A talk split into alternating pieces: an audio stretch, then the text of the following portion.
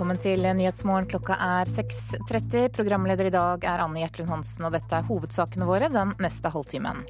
En tredel av doktorgradene ved Moskvas pedagogiske statsuniversitet er plagiater, ifølge statlig russisk fjernsyn.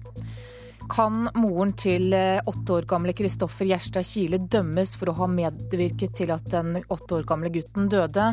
I dag starter saken i lagmannsretten, og aktor Kjetil Baustad Egeli sier den er spesiell. Den dreier seg om passiv medvirkning på et område som ikke er veldig mye behandlet i rettspraksis tidligere. Så det gjør den særlig spesiell. Og amerikanernes store folkefest, nemlig Superbowl, ble et drama av de helt sjeldne i natt.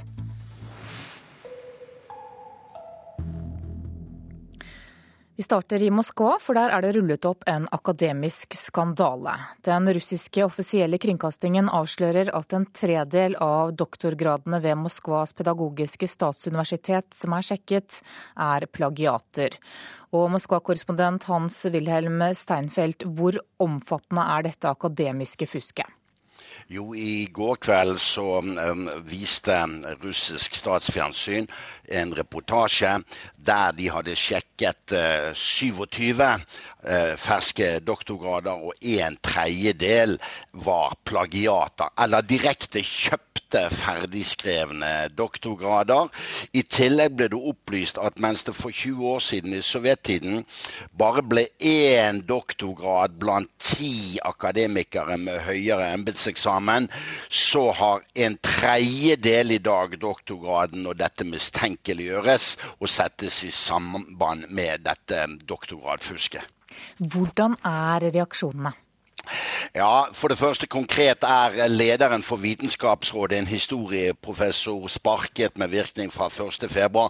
Men det er klart dette sjokkerer Kreml, fordi en av strategiene til president Vladimir Putin er at de fem beste russiske universitetene skal markere seg sterkere internasjonalt.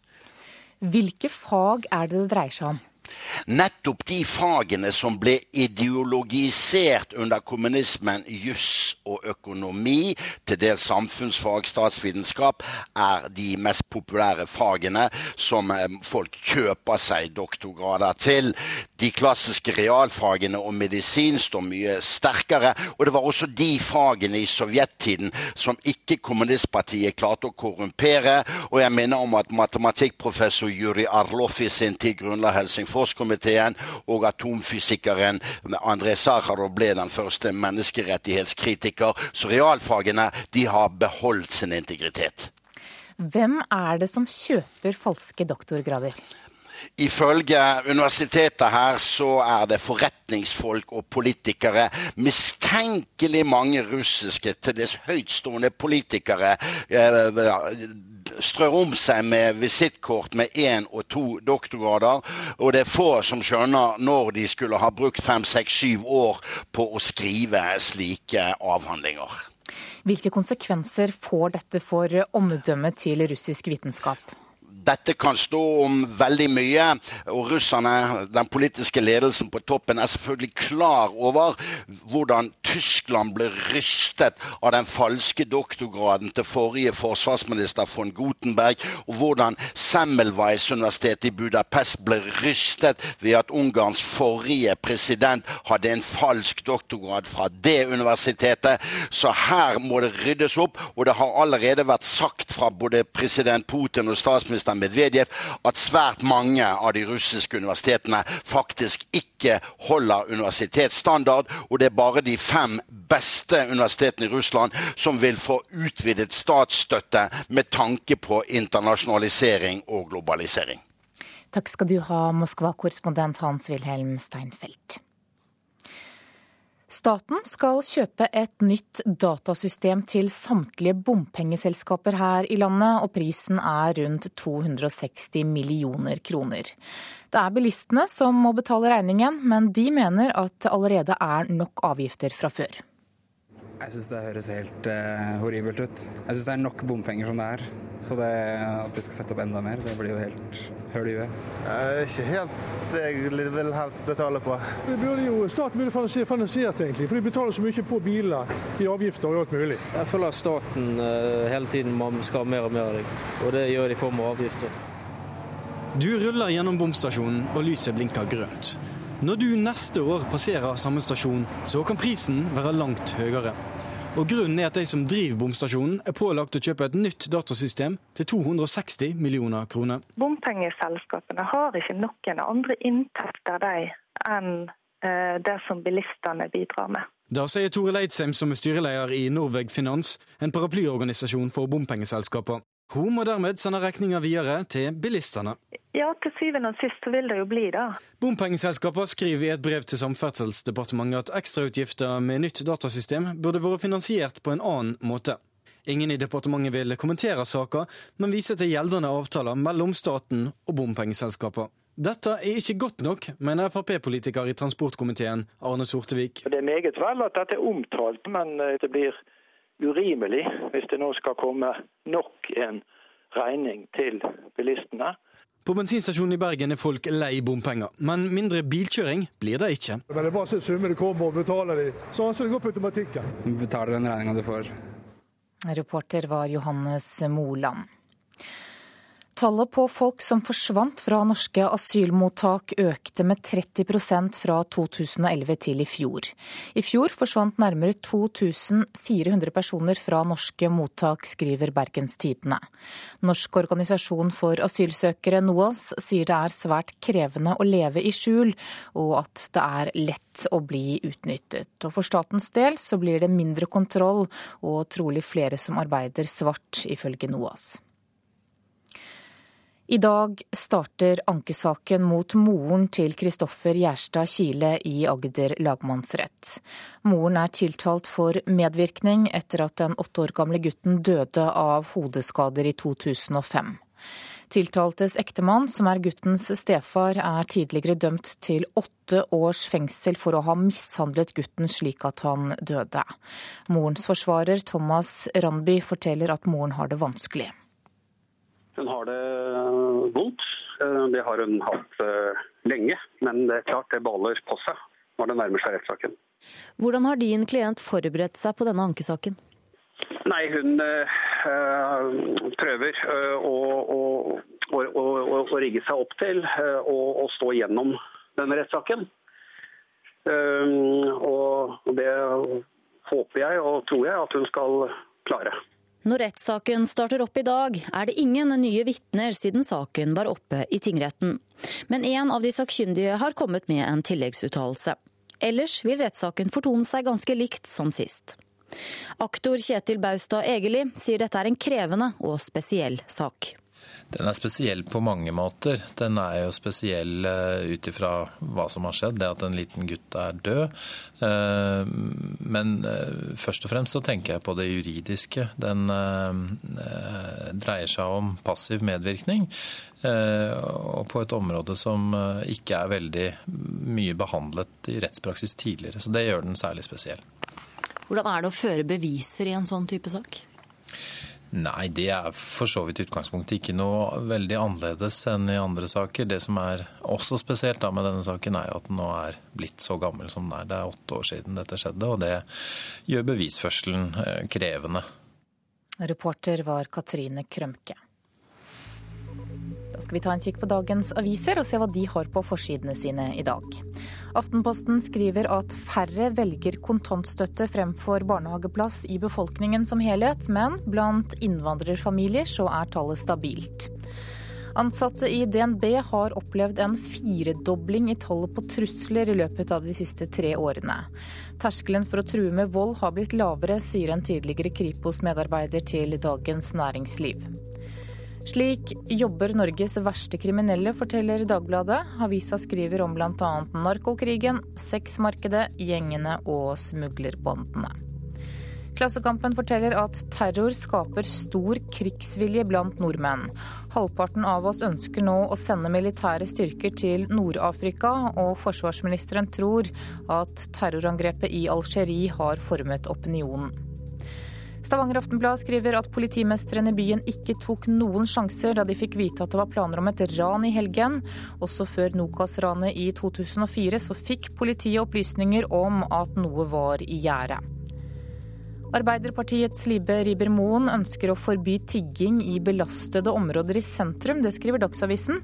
Hun vil også innføre strengere politikontroll av tiggermiljøet for å stoppe kriminalitet. Nordmenn trår til for spanjoler i krise, ifølge Vårt Land. En forsker sier at nordmenn har en moralsk forpliktelse til å hjelpe europeiske medborgere. Bergenstidene skriver at sju av de fremste oljeteknologiselskapene i bergensregionen er kjøpt opp av utenlandske konsern for rundt sju milliarder kroner. Til sammen handler det om oppkjøp av selskaper med rundt 3000 arbeidsplasser. Advokatenes lønnsfest er Finansavisens overskrift. Partnerne i Norges 15 største advokatfirmaer satt igjen med til sammen 2,6 milliarder kroner etter fjoråret. Nasjonen skriver at én av 20 bønder lever av gårdsdriften sin. Betydningen av gårdsinntekten for husholdningene går nedover, ifølge en forsker. Og VG har testet nye matvarer, og ifølge avisa så smaker den nye maten både best og verst.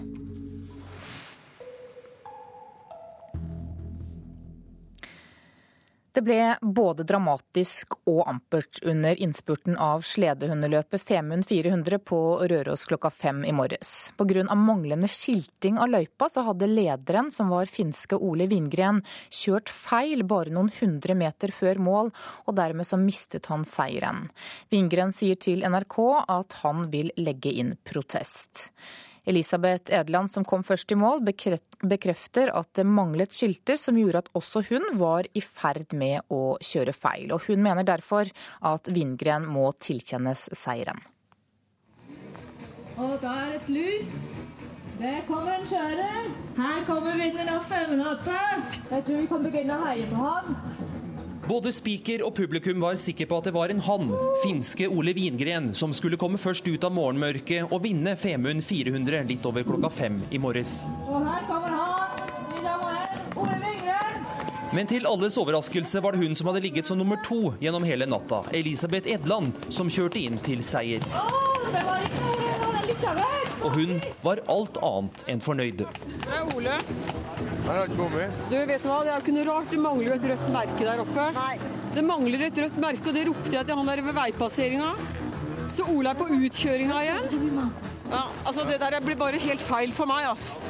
Nå har vunnet det løpet her, altså. Men Elisabeth, Du sier at du, du har ligget på andreplass hele veien? Jeg har ligget på andreplass hele veien. Jeg så Ole oppi her, og jeg hadde store problemer et sted hvor bikkjene løp feil. Og det manglet et rødt merke, og så skjønte jeg hvor jeg skulle. Jeg snudde spannet. Og jeg holdt på å kjøre på utkjøringa istedenfor eh, ned her. Det mangler et rødt merke der oppe. Så det vil si at Ole Wingren, som egentlig skulle vunnet, han har kjørt feil og kilometer for mål? Og jeg er kjempefornøyd med andreplassen. Ja, hva tenker du om det som har skjedd her, da? Jeg tenker at arrangøren får begynne å ta seg sammen ørlite grann oppi gata her, i hvert fall. Resten har jo vært fint. Men innkjøringa var dårlig. Og så syns jeg faktisk at noen bør kjøre ut og se etter den, for han er sikkert på vei ut igjen. Løpsleder for femmerløpet, Roger Legård. Nå kommer altså Elisabeth Edland eh, andreplassen inn og vinner femmerløpet. Og kan fortelle at eh, Ole Wingren, som lå i teten, antageligvis har kjørt feil pga. Eh, manglende skilting rett før mål. Hva, hva gjør dere med dette her nå? Nei, det er jo, altså, Elisabeth har jo klart å finne, finne veien, da, men mangler det et merke, så ja, må jo juryen ta, eh, ta, ta eh, og, så svare på. Men det er jo forferdelig leit da, hvis det gjør det. Men vi har eh, Wolfgang inne der nå, så nå skal jeg ta tak i den og så høre. Så, så nå er det jo sånn at uh, kjøreren skal jo uh, Det er jo kjørerens ansvar å, å holde sporet, da. Men det er klart hvis det mangler et merke, men det kan jeg jo ikke bekrefte her og nå at det gjør. Men Elisabeth sier de gjør det, og vi skal sjekke det med en gang. Ja, Det er nattemørkt nå, og det går skiløyper litt på kryss og tvers der de kommer inn også. Så det, så det er jo ikke, det er ikke helt utenkelig at det går an å kjøre feil hvis det mangler merker. Nei, det er det selvfølgelig ikke. Det er det ikke. Så det er jo i så fall veldig beklagelig. Her kommer alle Lindgren etter 400 km ut i villmarken. Først et timinutt senere kom den moralske vinneren, Ole Wingren fra Finland, meget oppbrakt i mål. Jeg, jag, jag är bäst jag senare. Det är andra gången jag är hit i den här tävlingen. Spår varje gång, så jag förlorar segern hver gang. Omärkta spår. Du må ju ha... ledd hele tävlingen. Så, hadde, og så till och med en skylt står det der. Femhundsløpet. blåa skylt, så gikk jeg og leste Femhundsløpet. Gikk jeg rakt opp. Så jeg går opp og sväng, opp og sväng. Så du tapte seieren på at du kjørte feil her? Jeg kjørte en feil. Jeg hadde et merke spår. Jeg kommer til å legge en protest.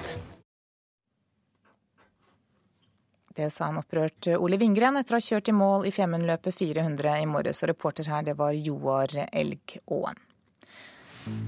Du hører på Nyhetsmorgen nå i NRK P2 og Alltid nyheter. Klokka er 6.45. Dette er hovedsaker i nyhetene i dag. En tredel av doktorgradene ved Moskvas pedagogiske statsuniversitet er plagiater, ifølge en undersøkelse statlig russisk fjernsyn har gjort. Bilistene må ta regninga når staten kjøper nytt datasystem til samtlige bompengeselskaper her i landet. Og Forbrukerombudet varsler strengere tilsyn med TV-bransjen.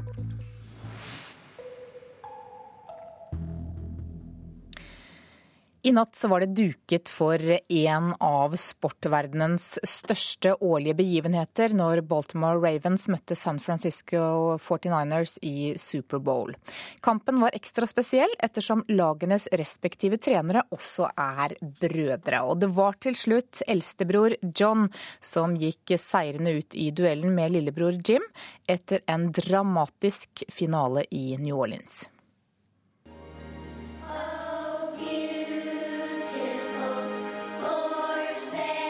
Barnekoret fra skolen Sandy Hook, som i desember ble rammet av skytetragedien som rystet en hel verden, var med på å synge inn amerikansk fotballs 47. Superbowl, og hvilken finale det ble. Ravens tok kommandoen fra start etter storspill fra quarterback Joe Flacco, og bare sekunder inn i den andre omgangen sørget Jacoby Jones for Ravens ledelse 28-6 etter en av Superbowl-historiens råeste touchdowns. Men så slukket flere av flomlysene i Superdomen i New Orleans, og kampen fikk et langt opphold. Det benyttet 49ers seg godt av. Hentet på utrolig vis inn store deler av forspranget, men misbrukte muligheten til å sikre seieren helt på tampen. Dermed ble det Ravens og trener John Harbour som knep Superbowl-tittelen med 34-31 for lillebror Jim og San Francisco 49ers. And the Baltimore Ravens have captured Super Bowl 47 as Joe Flacco. And the Ravens are victorious. Ja, Til slutt her så hørte vi de amerikanske kommentatorene fra CBS. Og reporter her, det var Anders eh, Mjåland. Lisa Cooper, leder av Democrats Abroad, eh, velkommen til Nyhetsmorgen. Tusen takk, og god morgen. God morgen. Hva syns du om finalen? Nei, Jeg syns det var utrolig spennende. Det var uh, litt sånn den tredje kvartal, akkurat som de sa, like etter strømbruddet, hvor 49ers nesten klarte å komme tilbake. Da jeg våknet, så var det 28-20, og da er det egentlig bare én touchdown igjen. Men dessverre så sov jeg igjen, og så puff, så var det Raven som vant. Men etter det som jeg har hørt, så var det en ganske stor dag. Men det var like mange som snakket om Beyoncé og Destiny's Child, og at uh, kanskje det var nesten en konsert som hadde en fotballkamp uh, ved siden av. Så det var nok den typiske Superbowl-dagen som vi pleier å ha. Hvorfor er dette så utrolig stort for amerikanerne? Ja, jeg tror det, man må prøve å liksom forstå det mer kan psyche, og vi er eh, helt ekstremt opptatt av sport. Enten er det fotball, eller så er det baseball, eller så er det basketball. Um, og hvorfor det? Jeg tror det er delvis pga. vi er sånn konkurransemennesker, eh, men samtidig vi er utstrakt uh, lagspiller. Eh, og i tillegg så er vi litt for kommersielt, da. Så, så nå har vi skapt en industri, vi har skapt, eh, vi har skapt store forventninger, vi har skapt store penger bak markedsføring uh, osv. Så, videre. eh, så det er blitt litt sånn bare en del av det vi er. Ja. Fortell litt om alt det som skjer rundt en slik finale.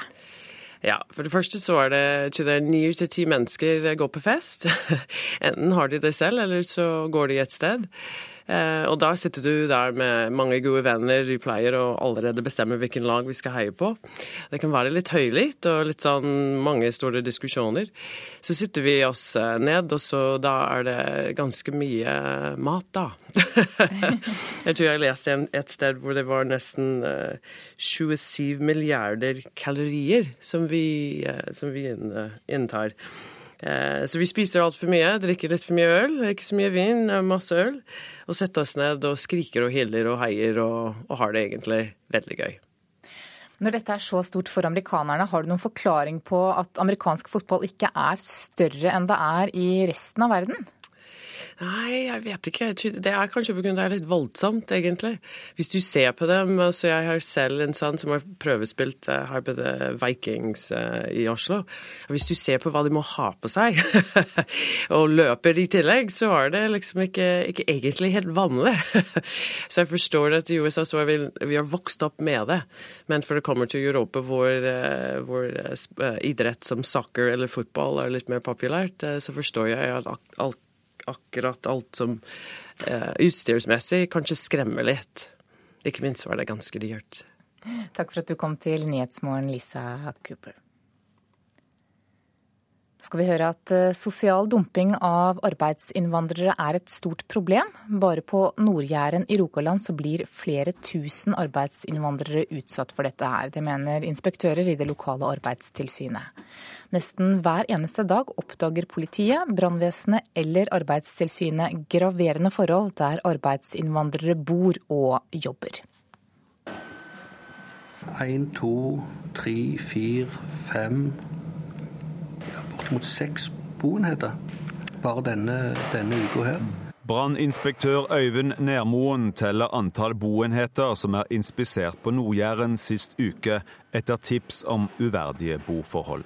Det dreier seg om arbeidsinnvandrere som er innlosjert i brannfarlige, falleferdige bygg, arbeidere som jobber fra morgen til kveld som regel svart og til dårlig betaling. Jeg har ikke sett noe lignende i, i mine 25 år i brannvesenet uh, i forhold til det som vi finner og har funnet bare det siste halve året. Det dreier seg ikke lenger om en eller annen tilfeldig bedrift eller enkeltpersoner, men hele grupper av mennesker som utfører oppdrag fra byggefirma og private i Stavanger-regionen. Jeg tror jeg har vært i kontakt med på det siste halve året 200-300 arbeidsinnvandrere som har funnet rundt i falleferdige rønner, hus, brakker, kjellere som ikke egner seg i hele tatt. Det har eksplodert i antall saker.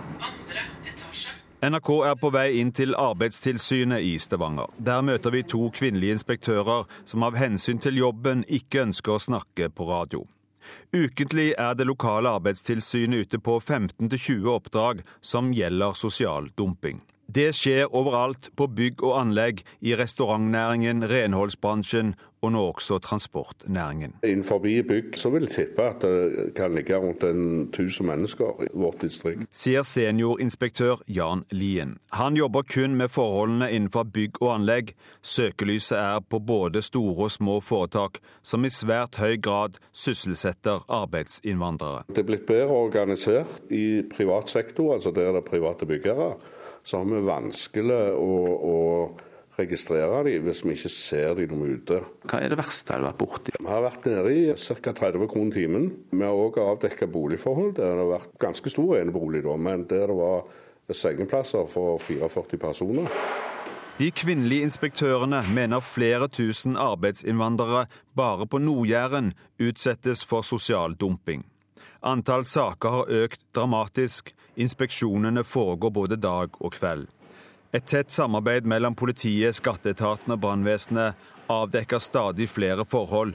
Problemet er bare at antall arbeidstakere og firma øker i et enda raskere tempo.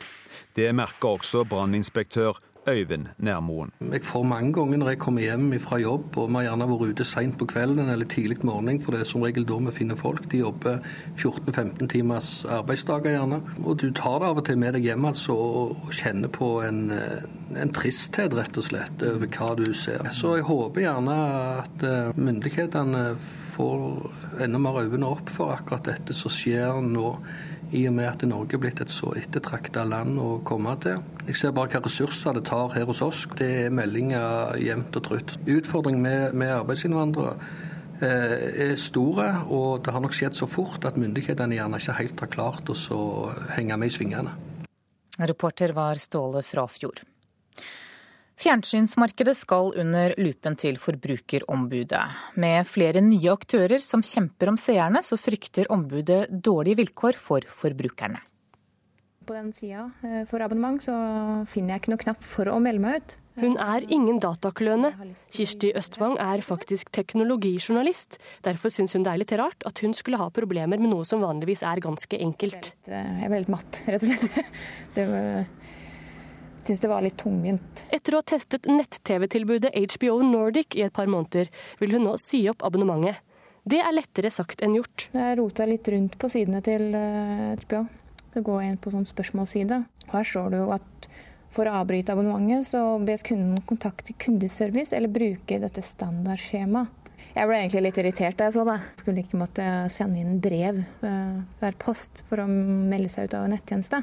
Hun er ikke den første som beklager seg over dette. Hos forbrukerombud Gry Nergård har de fått mange henvendelser fra brukere av de nye TV-tilbudene i det siste. Det aller meste nå går faktisk på det her at det er vanskelig å skifte tilbyder. Mange som har benytta seg av de nye tilbudene som har kommet. Kanskje ikke helt det var sånn som de tenkte, og ønsker å komme seg ut. Og så er det ikke så lett. Det vi ser er at de prøver å lukke kundene inn hos seg med ulike typer bindinger. F.eks. lange bindingstider, lange oppsigelsesfrister, oppsigelsesgebyrer, andre typer ting som gjør at det er vanskelig for kundene å skifte. Forbrukerombudet skjerper nå tilsynet med TV-bransjen. Vi kommer til å ha et strengere tilsyn av TV-markedet nå fordi at det har kommet så mange nye tjenestetilbydere det siste halve året. Strengere tilsyn, hva innebærer det i praksis? Jo, nå sitter vi faktisk i dag og sjekker det her TV-markedet. Kartlegger hvilke tjenester er det som er ute og tilbys akkurat nå. Så går vi inn og ser på vilkårene og ser oppsigelsestid. Fire ansatte har dannet en slags aksjonsgruppe, hvor de tester TV-tilbudene fra kundenes perspektiv. Mm. Om det er opplyst om angrerett, f.eks. Bare sånn kjapt, da. Og så lagrer vi det så vi har det til seinere. De leser det som står med liten skrift i avtalene, sånn at vi andre skal slippe å gjøre det. Håpet er bedre vilkår for forbrukerne. Leverandørene bør jo nå behandle kundene sine på en god måte og konkurrere på det. Og legge til rette for at kundene skal både synes det er en god tjeneste, men også at de skal oppleve en god kundeservice. Men det gidder ikke Kirsti Østvang å vente på. Som provosert, så jeg skal i hvert fall si opp. Reporter var Ina Strøm. Det har ikke lyktes NRK å få intervju med HBO Nordic, men i en e-post så skriver selskapet at de ennå ikke har begynt å ta betalt for tjenesten, men at du enkelt kan si opp på e-post og telefon, og at kommende oppdateringer skal gjøre det enklere å si opp abonnementet.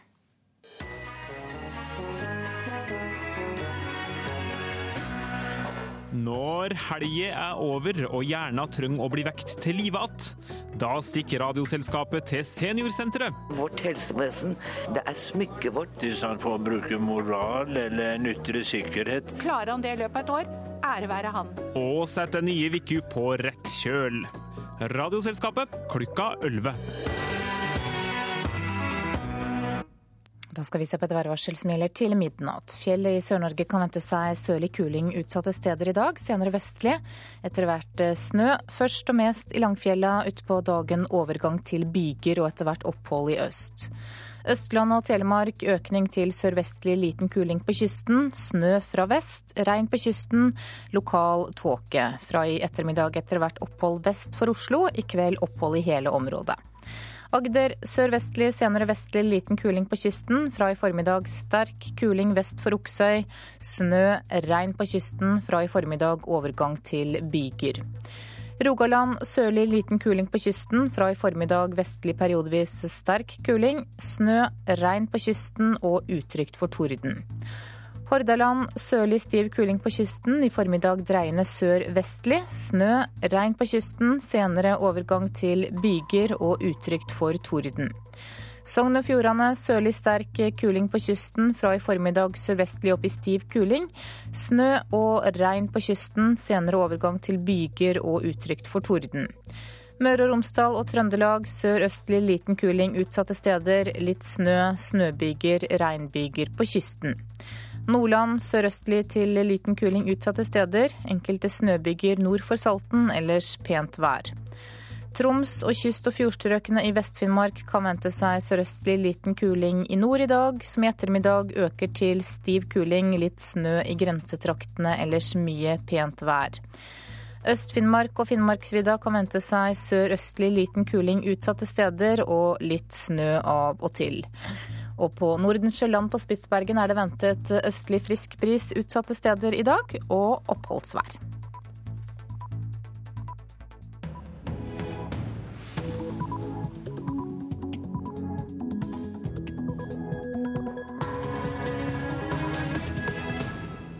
Er klokka sju. Du lytter til Nyhetsmorgen med Anne Jetlund Hansen i studio. Her er en nyhetsoppdatering. Pengespill via mobilen eksploderer. I fjor spilte vi for én milliard kroner, og mørketallene er store. Mobilbasert pengespill det vokser, og det vokser ganske raskt fra år til år. Og Sånn sett er jo 2012 et år der det virkelig tok av, viser tallene fra både tilsynet, Norsk Tipping og Norsk Rikstoto. Og det sier Atle Hamar, som er direktør for Lotteri- og stiftelsestilsynet. Vanlig hjertemedisin kan også hjelpe mot prostatakreft. Det viser ny forskning. Vi har funnet at de prostatakreftpasientene som brukte betablokker, har hatt en lavere dødelighet av sin prostatakreft enn de som ikke brukte betablokker. Sier forsker Helene Grytli. USAs president Barack Obama sier det trengs større skatteinntekter for å betale USAs gjeld. Forbrukerombudet varsler strengere tilsyn med TV-bransjen. Mange klager på nye aktører. Det aller meste nå går faktisk på det her at det er vanskelig å skifte tilbyder. Mange som har benytta seg av de nye tilbudene som har kommet. Eh, kanskje ikke helt eh, det var sånn som de tenkte, og ønsker å komme seg ut. Og så er det ikke så lett. Og i Spania fortsetter den politiske skandalen rundt statsminister Mariano Rajoy for fullt. Pengespill via mobiltelefon øker kraftig. I fjor så spilte vi for 1 milliard kroner på mobilløsningene til Norsk Tipping og Rikstoto. Og det er en dobling fra året før. Men den reelle summen er trolig langt høyere, siden det meste av spillingen på telefonen skjer via utenlandske gamblingselskaper.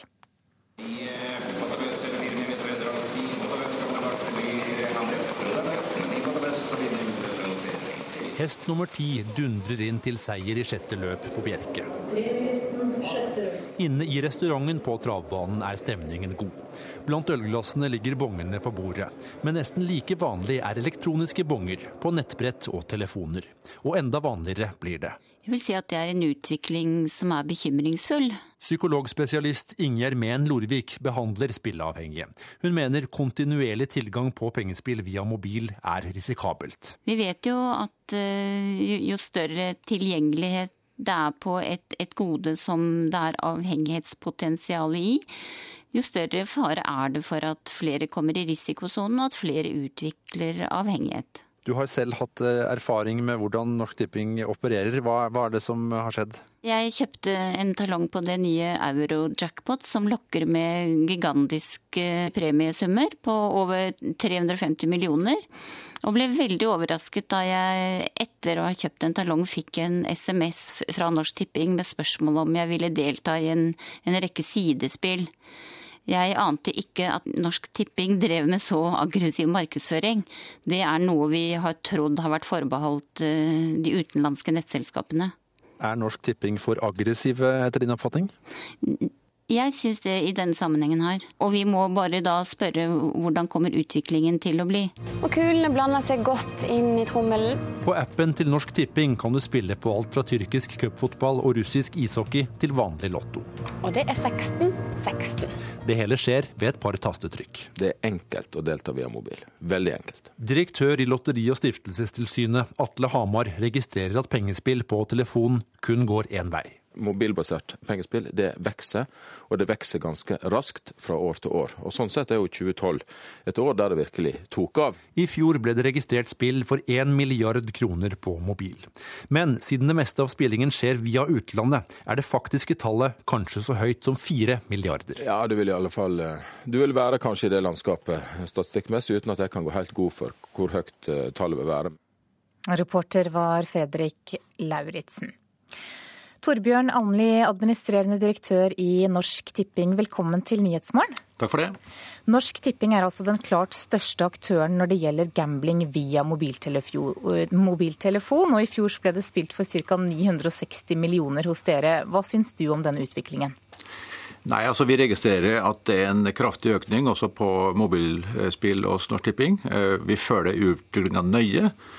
Vi må huske på det at uh, vår oppgave er jo å kanalisere spillelysten inn i lovlige, forsvarlige former uh, i vår regi. Uh, og da bort ifra de utenlandske aktørene som er ulovlige i Norge. Og da må vi også være på de medier som folk etterspør, herunder mobiltelefon.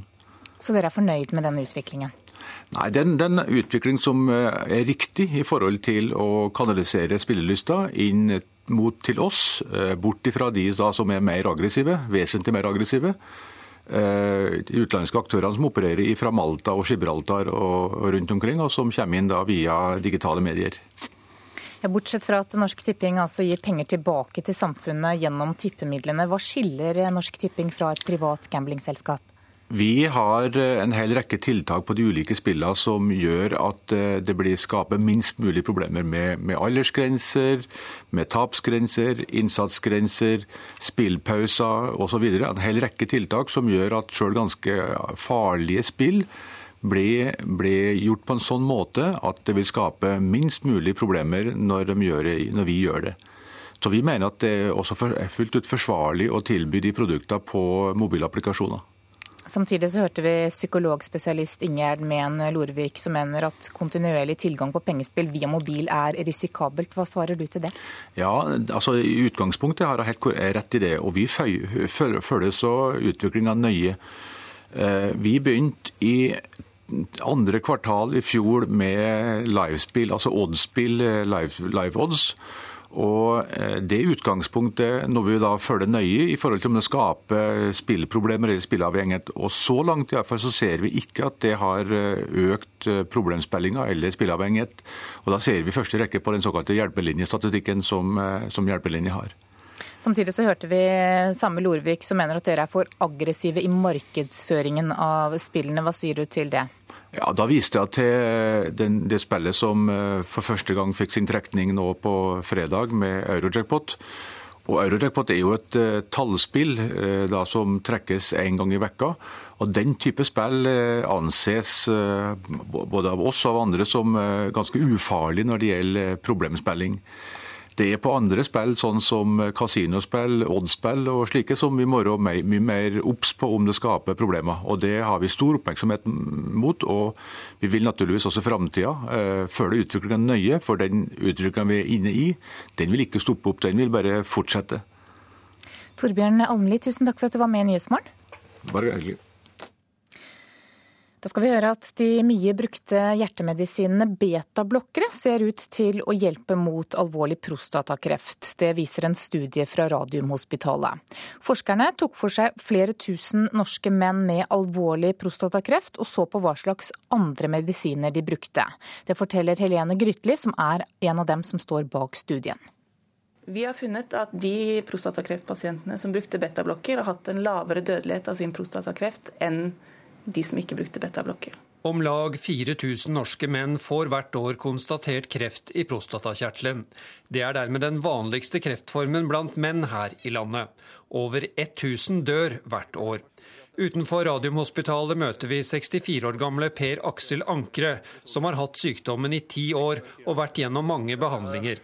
Han håper på at ny forskning skal hjelpe. Det er, det er jo det lille håpet man har om at man skal finne løsningen, eller i hvert fall finne noe som kan eh, dempe dødeligheten kraftig. Da. At eh, det er ikke nødvendigvis liksom bare én utgang på dette. her. Forskerne på Radiumhospitalet understreker at de ennå ikke kan utelukke at det er andre felles trekk ved pasientene som bruker betablokkere, som kan forklare den lavere dødeligheten. Men så langt de kan se er det ingen andre opplagte årsaker, sier Helene Grytli. Det er jo veldig mange potensielle forskjeller mellom de to gruppene, som vi ikke nødvendigvis vet, og som kanskje kan ligge bak. Men så vidt vi kan se, så er det ingen andre Eh, kjente kreftmarkører som forårsaker den assosiasjonen. De siste åra har det kommet en rekke nye effektive medisiner mot kreft. I tillegg til å være svært dyre, har de ofte store bivirkninger. Betablokkere er billige medisiner med moderate bivirkninger. Derfor er de interessante, mener forskerne. Dersom våre funn kan bli bekreftet i andre studier, så vil jo betablokkere kunne være et eh, potensielt lavterskeltilbud eller et eh, tilleggstilbud for pasienter med behandlingstrengende prostatakreft. I så fall vil Per Aksel Ankre gjerne prøve. Hvis man da kan få studier som konkluderer, så absolutt interessert i å prøve. Reporter var Tom Ingebrigtsen. Staten skal kjøpe et nytt datasystem til samtlige bompengeselskaper her i landet. Det koster rundt 260 millioner kroner, og det er bilistene som må betale regninga. Det kan bety en økning i bompengene, det sier Toril Eidsheim, som er styreleder i bompengeselskapenes interesseorganisasjon Norveg Finans. Jeg tenker at en sånn type finansieringsløsning som her er lagt opp til av dette systemet, det er kanskje ikke den mest hensiktsmessige. Jeg skulle ønske at en, en, så litt grundigere på dette, om det gikk an å finne andre og bedre løsninger som ikke ville belaste prosjektene. Og Samferdselsdepartementet vil ikke kommentere saken. Du hører på Nyhetsmorgen i NRK P2. Dette er hovedsaker. Klokka er 7.10. Pengespill via mobilen eksploderer. I fjor spilte vi for 1 milliard kroner, og mørketallene er store. Vanlig hjertemedisin kan også hjelpe mot prostatakreft, viser ny forskning. Og USAs president sier det trengs større eh, skatteinntekter for å betale landets gjeld.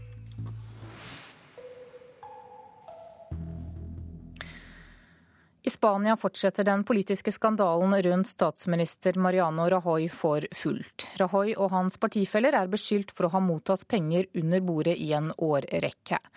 Meningsmålinger viser at 85% av spanjolene ikke har tillit til statsministeren. Es falso. Nunca, repito, nunca he recibido dette er falske opplysninger, og jeg har aldri, jeg gjentar aldri mottatt penger under bordet, sa en tydelig presset og stresset spansk statsminister Mariano Rajoy på en pressekonferanse lørdag. Men presset mot Spanias sentrum Høyre-statsminister øker nå dag for dag, ikke minst fordi den respekterte avisen El Pai på torsdag trykket lister over personer i statsministerens folkeparti PP, som i en periode fra 1990 til 2008 2008 årlig mottok penger under bordet fra et fond finansiert av den spanske bygningsindustrien. No men statsminister Mariano Rajoy sier han ikke kan godta at hardt pressede spanjoler gis et inntrykk av at Spania ikke er styrt etter de høyest etiske standarder og av personer med integritet. Men disse forsikringene til tross, meningsmålinger som er offentliggjort i helgen, viser at tilliten til den spanske regjeringen er på et absolutt bunnivå. Bare én av fire spanjoler sier de støtter Rajoy som regjeringssjef. Hele 85% sier de ikke har tillit til ham som politiker. Anklagen om korrupsjon i regjeringen kommer samtidig som Spania opplever en alvorlig økonomisk krise med massearbeidsløshet, der hver fjerde spanjol nå er uten arbeid, og der mange offentlige ansatte har måttet tåle kraftige kutt i lønninger og sosiale goder. Det sa utenriksmedarbeider Morten Jentoft. Europakorrespondent Hege Mo Eriksen, Spania får altså en korrupsjonsskandale på toppen av en økonomisk krise. Hvordan er reaksjonene? Ja, jeg tror knapt det finnes en mer alvorlig sak for spanjolene enn nettopp anklager om at lederne har beriket seg med svarte penger, mens de altså selv synker ned i arbeidsledighet, og hvor mange uh, lever i regelrett nød. De som jeg nå snakker med i Spania, forteller om en enorm frustrasjon pga. denne saken. Uh, og noe av grunnen er selvfølgelig at landet står midt i sin verste krise, hvor folk selv er blitt bedt om å gjøre tøffe forsakelser i form av kutt eh, i lønninger og innsparinger. Og så frykter de nå at eh, deres egne ledere fyller lommene med svarte penger. Og hvis dette skulle vise seg å, å stemme, så vil nok den eh, siste rest av det lille som er igjen av tilliten til politikerne, smuldre opp hos spanjolene. Ja, for Ahoy tilbakeviser jo disse anklagene. Hva slags bevis er det egentlig som foreligger? Ja, Det store spørsmålet er jo har statsministeren og andre partitopper systematisk gjennom flere år mottatt svarte penger under bordet. Dette skal altså være penger som kommer fra næringslivstopper, hovedsakelig i byggebransjen.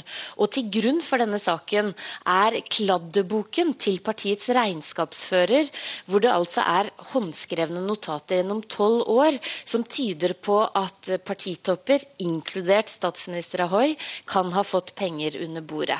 At dette er en ekte bok, det er det ingen som betviler. For det er eh, flere andre bokføringer som stemmer overens med det som eh, partiet har fått av donasjoner. Men Rahoy benekter altså på det sterkeste at han og andre har mottatt eh, penger svart. Og han har sagt at han skal gjøre alt for å bevise sin uskyld og få alt på det rene, det som har skjedd. Ja, Hva kan han gjøre nå da for å rette opp inntrykket? Det er klart at han er i en eh, svært eh, presset eh, situasjon. Han har sagt at han vil ha full åpenhet, at han vil framlegge all dokumentasjon som er nødvendig for å vise at dette ikke har skjedd. Men det er klart mistanken om uærlige, uærlig finansiering har ligget over partiet lenge. Forløperen til denne saken startet i 2009, hvor en rekke partitopper måtte gå pga. anklager om korrupsjon og hvitvask hvitvasking. Også inkludert denne regnskapsføreren, som altså måtte gå eh, fra sin post pga. Eh, disse anklagene. Og Politiet har etterforsket eh, saken og funnet at regnskapsføreren angivelig skal besitte en konto i Sveits på 22 millioner euro. Eh, penger som man nå frykter kan ha blitt brukt til å finansiere eh, partitoppene i partiet. Slik at eh, Det er en svært alvorlig sak for Rajoy. og De analytikerne som jeg snakker med i Spania, sier at Rajoys fremtid, selv om han har rent flertall i parlamentet og solid backing der, så avhenger Rajoys fremtid i stor grad av at han klarer å rydde opp i denne saken så raskt som mulig. Takk skal du ha, europakorrespondent Hege Moe Eriksen. Cubanerne har gått til urnene for å velge en ny nasjonalforsamling. Landets ledere mener valget er demokratisk, men dissidenter påpeker at antall kandidater er helt likt antall seter i nasjonalforsamlingen. Under valget fikk cubanerne et sjeldent blikk av Fidel Castro da han dukket opp ved et av lokalene for å avgi sin stemme. Irans president anklaget i går presidenten i Irans nasjonalforsamling for korrupsjon.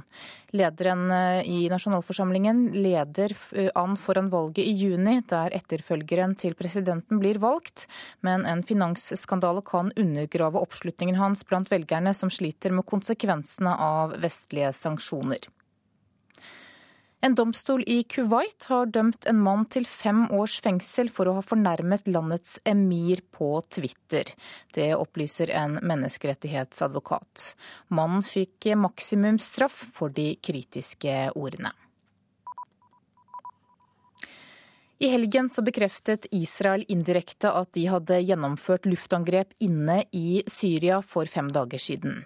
Israelske myndigheter sier de angrep en våpentransport til Libanon for å hindre at våpen ble gitt til Hizbollah-bevegelsen i Libanon. Og Syria reagerer kraftig og beskylder nå israelerne for å forsøke å destabilisere landet. Frida Nome, du er forsker ved Norsk utenrikspolitisk institutt. Aller først, kan Syria bli mer ustabilt enn det allerede er? I, uh, ifølge syrisk nyhetsbyrå så har uh, dette israelske angrepet bidratt til å avsløre at Israel også er med på å destabilisere Syria. Så det blir sett på som én av flere utenlandske makter som forsøker å skape uro i landet. Så dermed så, så En sånn uttalelse bidrar til også å delegitimere den syriske opposisjonen ved å slå den i hardtkorn med Israel. Så skriver New York Times i dag at Israels luftangrep kan ha skadet landets viktigste senter for utvikling av biologiske og kjemiske våpen. Hvilke konsekvenser kan det få? Eh, det, det, går mange forskjellige historier om hva som har skjedd, og, det er vanskelig å, å vite hvilke følger dette vil få. Eh, syriske myndigheter har eh, trolig eh, store våpendepoter og fortsatt en, eh, har fortsatt militær slagkraft. Men det er vanskelig å si noe helt eh, spesifikt om eh, hva som har skjedd i det israelske angrepet. Assad eh, sa også at Syria kan og vil konfrontere trusler og aggresjon rettet mot landet. Hvordan er faren for motangrep fra Syria nå? Jeg tror at Assad var nødt til å komme med en uttalelse hvor han truet med at det ville komme et overraskelsesangrep, eller kunne komme overraskelsesangrep på Israel. Syria har også blitt latterliggjort av Tyrkia, eh, tyrkiske statsministeren Erdogan, eh, også av den syriske opposisjonen, for å være for veike og ikke klare å slå tilbake mot Israel. Sånn at en, en sånn uttalelse måtte komme. Hvorvidt dette her vil skje i praksis, er veldig mye vanskeligere å si. Det er klart syriske regimet har mange fronter å kjempe på hjemmebane. Og de vil eh, stille seg selv, eh, gjøre seg selv eh, altså de vil, Det er en stor risiko dersom de angriper Israel. Så der, sannsynligheten for et angrep er vel ikke veldig stor. Samtidig så, så, vil kanskje også Syria kunne vinne noe på å angripe Israel, som er erkefienden i regionen. Ja, I hvilken form vil et slikt eventuelt angrep da kunne komme? Nei, det, det, vil bli bare spekulasjoner. Eh, men det er klart, Syria har også eh, allierte i området. Hizbollah har vært en alliert i veldig mange år. Iran er fortsatt en alliert. Men eh, jeg har ikke lyst til å gå inn på å spå hvordan et sånt angrep eventuelt vil kunne komme. Israels begrunnelse for dette angrepet er at de ville hindre overlevering av våpen til Hizbollah i Syria. Hvor reell er da faren for at Hizbollah kan få mer avanserte våpen som følge av kaoset i Syria? Det går forskjellige fortellinger også om, eh, om, eh, akkurat disse våpnene. Noen som hevder at dette var Hizbollah sine våpen som var deponert i Syria, men som nå ikke lenger ble oppfattet som trygge i Syria, som man, som man da ville ønske å deponere dem i Libanon. Um, Hizbollah uh, har uh, altså Hvor stor slagkraft Hizbollah har klart å bygge seg opp etter den forrige krigen med Israel, er vanskelig å si. Uh, men, men, det er klart Hizbollah er en trussel for, for, Israel og har vært det i lang tid. Ja, kan krigen i Syria styrke Hizbollah? Krigen i Syria kan, eh, kan, vel både styrke og svekke Hizbollah. Eh, Hizbollah eh, har brukt mange år også på å bygge opp tillit igjen i hjemlandet. Det var Hizbollah som førte Libanon ut i krig forrige gang. Ehm, så, så Hizbollah må også balansere i forhold til hjemme den libaneske befolkningen, og også hva de oppfatter som, som en for sterk trussel mot regionen og mot, mot Syria, da, som er en alliert. Takk for at du kom til Nyhetsmorgen, Frida Nome, forsker ved Norsk utenrikspolitisk institutt. Da skal vi ta en kikk på dagens aviser og se hva de har på forsidene sine i dag. Aftenposten skriver at færre velger kontantstøtte fremfor barnehage i befolkningen som helhet, men blant innvandrerfamilier så er tallet stabilt. Ansatte i DNB har opplevd en firedobling i tallet på trusler i løpet av de siste tre årene. Terskelen for å true med vold har blitt lavere, sier en tidligere Kripos-medarbeider til Dagens Næringsliv. Slik jobber Norges verste kriminelle, forteller Dagbladet. Avisa skriver om bl.a. narkokrigen, sexmarkedet, gjengene og smuglerbandene. Klassekampen forteller at terror skaper stor krigsvilje blant nordmenn. Halvparten av oss ønsker nå å sende militære styrker til Nord-Afrika, og forsvarsministeren tror at terrorangrepet i Algerie har formet opinionen. Stavanger Aftenblad skriver at politimesteren i byen ikke tok noen sjanser da han fikk vite om at det var planer om et ran i helgen. Også før Nokas-ranet i 2004 så fikk politiet opplysninger om at noe var i gjære. Arbeiderpartiets Libe Riber-Moen ønsker å forby tigging i belastede områder i sentrum. Det skriver Dagsavisen. Hun vil også innføre strengere politikontroll av tiggermiljøet for å stoppe kriminalitet. Nordmenn trår til for spanjoler i krise, ifølge Vårt Land. En forsker sier at nordmenn er moralsk forpliktet til å hjelpe europeiske medborgere. Bergenstidene skriver at sju av de fremste oljeteknologiselskapene i bergensregionen er kjøpt opp av utenlandske konsern for rundt sju milliarder kroner. Til sammen handler det om oppkjøp av selskap med rundt 3000 arbeidsplasser. Advokatenes lønnsfest er Finansavisens overskrift. Partnerne i Norges 15 største advokatfirmaer satt igjen med til sammen 2,6 milliarder kroner etter fjoråret. Nasjonen forteller at én av 20 bønder lever av gårdsdriften sin. Betydningen av gårdsinntekten for husholdningene går nedover, ifølge en forsker. Og VG har testet nye matvarer, og ifølge avisa så smaker den nye maten både best og verst.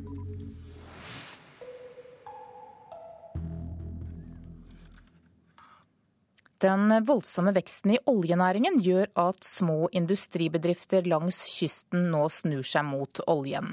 Miljøbevegelsen advarer mot at olje kan komme til å overskygge annen industri, og understreker at oljen kommer til å ta slutt en dag. Men for mange bedrifter så er dette et spørsmål om å overleve. Så er det vernesko. NRK sin reporter må pent ta på seg de svarte verneskoene og vernebriller. Hvis ikke slipper vi ikke inn i verkstedet på Østerbø Maskin. Sånn. Da. For daglig leder Steinar Holen vet at oljenæringa sine inspektører kan komme når som helst. Her har vi en maskin som skal ut i Nordsjøen nå. På gulvet står ei gul maskin på to ganger én meter med sirlig ordna svarte ledninger og blanke rør. Her den skal ut på Oseberg C nå. Dette er blitt deres vei inn i oljeeventyret. Her er siste finpussen. I den vesle grenda Østerbø i Høyanger med bare noen titalls innbyggere har de gått fra å reparere landbruksmaskiner til å produsere avansert utstyr for oljeindustrien. Dette her er en maskin som skal eh, håndtere og skyve disse her rensepluggene som kjenner mellom plattformene. De er et døme på hvordan små virksomheter langs med hele kysten snur seg nå mot oljen for å ta del i veksten offshore. Og Det er klart det er et sug, og det er plass for oss mindre på mindre konsentrasjoner. Professor Eirik Vatne ved Norges handelshøyskole ser bakgrunnen for dette suget er at investeringene i oljenæringa bare øker. Nå har vi jo lange tider predikert at uh, nå har vi nådd investeringstoppen, uh, men uh, det ser jo ut til å ikke slå til i, i, det hele tatt. Nå er vi oppe i 200 milliarder som skal investeres i år. Og de 200 milliardene i år vil nettopp underleverandørene nyte godt av. 60-70% av dette blir produsert av norske leverandører, og det betyr jo at det, når du går nedover i denne underskogen av ulike bedrifter, blir ganske mange arbeidsplasser. Men oljen er ikke en fornybar ressurs. En dag vil den ta slutt. Og annen industri, som t.d. innen vindkraft, sliter nå med en oljeskugge. Så det er klart at det å konkurrere med oljelønninger og oljekostnadsnivå, det er ikke så lett. Det sier Anders Bjartnes i Norsk Klimastiftelse. Asle Lygre, som leder et leverandørnettverk for vindkraftindustrien, bekrefter at denne oljeskuggen er reell. Ja, De merker det på, på, flere måter. Det er jo krevende å få tak i kompetente ingeniører bl.a. Slik at bedriftene da i større og større grad må rekruttere ute. Og det er klart også at lønningene i innenfor oljenæringen er nok høyere enn innenfor fornybarbransjen. Bjartnes mener olje- og energiministeren og statsministeren må gå i front og sette høye mål for t.d. vindkraft til havs for å motvirke oljedominansen. Vi skal bygge et demonstrasjonsanlegg i Nordsjøen. Vi skal få den første flytende offshore vindfarmen skal vi bygge ute ved Ekofisk. Hvis de hadde tatt en sånn type lederskap, så hadde vi fått det til. I stedet har vindkraftprosjekt blitt lagt på is fordi produsentene mener regjeringa ikke viser nok interesse. Men professor Vatne ved Norges handelshøyskole sier virksomheten ikke har noe annet valg enn å ri på oljebølga så lenge den varer. Det vil være ganske høy aktivitet i Nordsjøen og eh, globalt i 10-20 år framover i alle fall. Og For en bedrift så er 10-20 år en eh, lang horisont. Det er ikke mulig å planlegge for noe annet. Tilbake mellom fjellene på Østerbøy Høyanger vet de også at oljen en dag tar slutt. Men de er overbevist om at oljeaktiviteten gjør at de lærer noe som trengs også i en ny tidsalder. Du, du lærer å bli best, og det er du nødt til å være. Altså, du må være helt på topp skal du eh, få det til å fungere. Og For å være med i framtida så er det veldig viktig. Og reporter det var Terje Gillesammer. Du hører på Nyhetsmorgen i NRK P2. Den neste halvtimen får du først eh, Dagsnytt 7.30 med Anders Borgen Werring. Etter det så blir det dagens utenriksreportasje. Da skal vi til Afrika og høre at Kenyas fremste maratonløpere nå ber landets politikere om å holde fred under valget på president og parlament om vel en måned. Og I Politisk kvarter Klokka 7.45 så kommer bl.a. Frp-leder Siv Jensen for å forklare hvorfor hun beskylder Høyre for å være til forveksling lik Arbeiderpartiet. Produsent for Nyhetsmorgen i dag heter Sjan Erik Bjørnskau, og her i studio Anne Jetlund Hansen.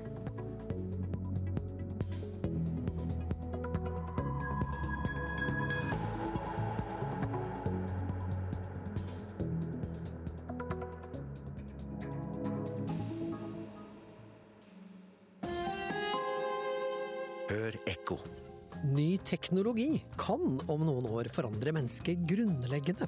Gjøre oss smartere, sunnere, snillere, ja kanskje udødelige. En framtidsdrøm for noen, for andre et rent skrekkscenario. For her er vi i grenselandet mellom menneske og maskin.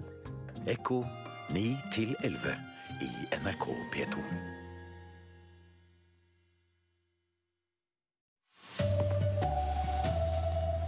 Folk spiller om penger på mobilen som aldri før. Fagfolk er bekymret.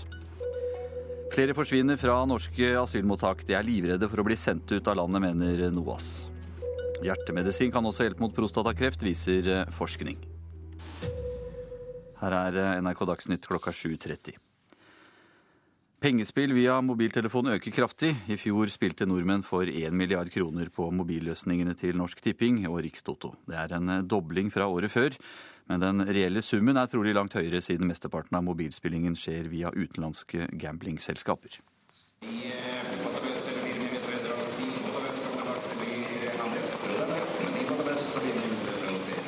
Hest nummer ti dundrer inn til seier i sjette løp på Bjerke. Inne i restauranten på travbanen er stemningen god. Blant ølglassene ligger bongene på bordet. Men nesten like vanlig er elektroniske bonger på nettbrett og telefoner. Og enda vanligere blir det. Jeg vil si at det er en utvikling som er bekymringsfull. Psykologspesialist Ingjerd Mehn Lorvik behandler spilleavhengige. Hun mener kontinuerlig tilgang på pengespill via mobil er risikabelt. Vi vet jo at eh, jo større tilgjengelighet det er på et, et gode som det er avhengighetspotensial i, jo større fare er det for at flere kommer i risikosonen, og at flere utvikler avhengighet. Og kulene blander seg godt inn i trommelen. På appen til Norsk Tipping kan du spille på alt fra tyrkisk cupfotball og russisk ishockey til vanlig lotto. Og det er 16 16. Det hele skjer ved et par tastetrykk. Det er enkelt å delta via mobil.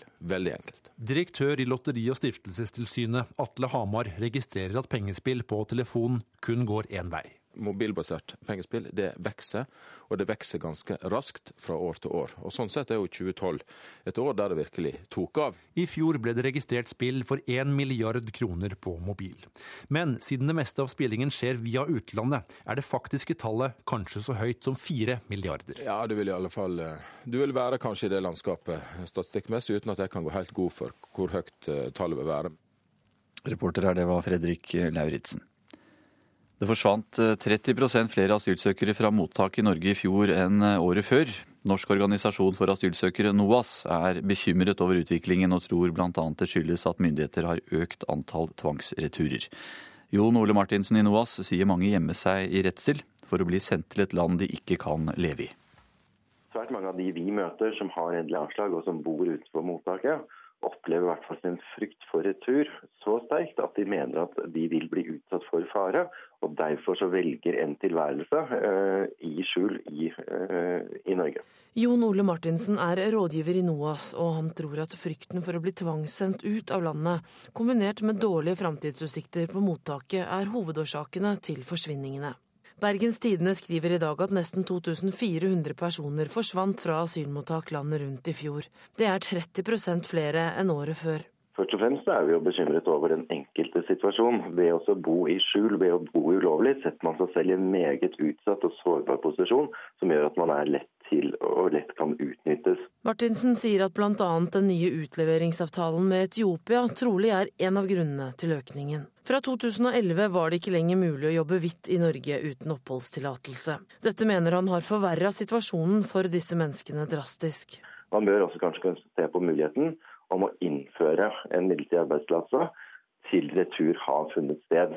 Det at man har personer utenfor eh, det norske samfunnet uten arbeidstillatelse og, og, som da jobber svart, er ikke positivt verken for den enkelte eller, eller for staten.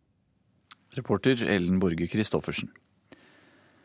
De mye brukte hjertemedisinene betablokkere ser ut til å hjelpe mot eh, alvorlig prostatakreft. Det viser en studie fra Radiumhospitalet. Forskerne tok for seg flere tusen norske menn med alvorlig prostatakreft, og så på hva slags andre medisiner de brukte, forteller eh, Helene Grytli, som er en av dem som står bak studien. De prostatakreftpasientene som brukte betablokker, har hatt en lavere dødelighet av sin prostatakreft enn de som ikke brukte betablokker. Om lag 4000 norske menn får hvert år konstatert kreft i prostatakjertelen. Det er dermed den vanligste kreftformen blant menn her i landet. Over 1000 dør hvert år. Utenfor Radiumhospitalet møter vi 64 år gamle Per Aksel Ankre, som har hatt sykdommen i ti år og vært gjennom mange behandlinger. Han håper på at ny forskning skal hjelpe. Det er, det er jo det lille håpet man har om at man skal finne løsningen, eller i hvert fall finne noe som kan eh, dempe dødeligheten kraftig. Da. At eh, det er ikke nødvendigvis liksom bare én utgang på dette. Forskerne ved Radiumhospitalet understreker at de ennå ikke kan utelukke at det er andre fellestrekk ved pasientene som bruker betablokkere, som kan forklare den lavere dødeligheten. Men så langt de kan se, er det ingen andre opplagte årsaker. Betablokkere er en billig medisin med moderate bivirkninger, og forskerne håper nå at resultatene blir bekreftet av andre.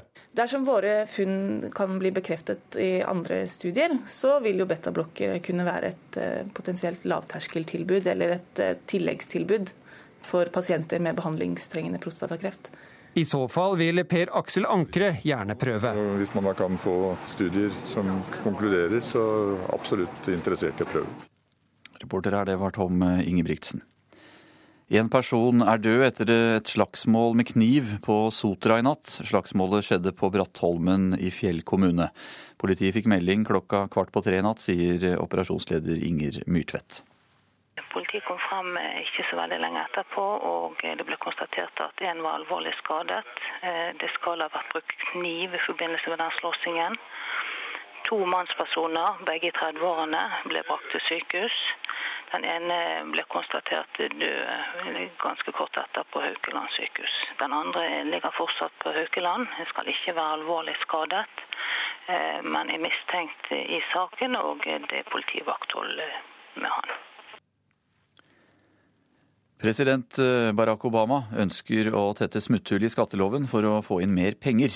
Han mener eh, USA kan oppleve kraftig vekst i år med enkle tiltak. Presidenten sa dette i et intervju i natt. Well, I, I don't think the issue right now is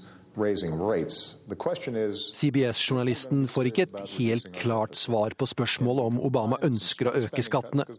Det presidenten varsler i intervjuet som ble sendt rett før Superbowl, var at noen smutthull i skatteloven kunne tettes. The average person doesn't have access to Cayman Island accounts. The average person doesn't Vanlige folk vil ikke bli berørt av dette, mener Obama. Bare folk som har mulighet til å benytte loven på en slik måte at de slipper unna med et lavt bidrag til fellesskapet. Bakgrunnen for det hele, den dårlige veksten i amerikansk økonomi, ble selvfølgelig også berørt i intervjuet. Obama mener det egentlig står bra til, men at politikere som krisemaksimerer og sparer på feil måte, gjør at det ser dårligere ut enn nødvendig.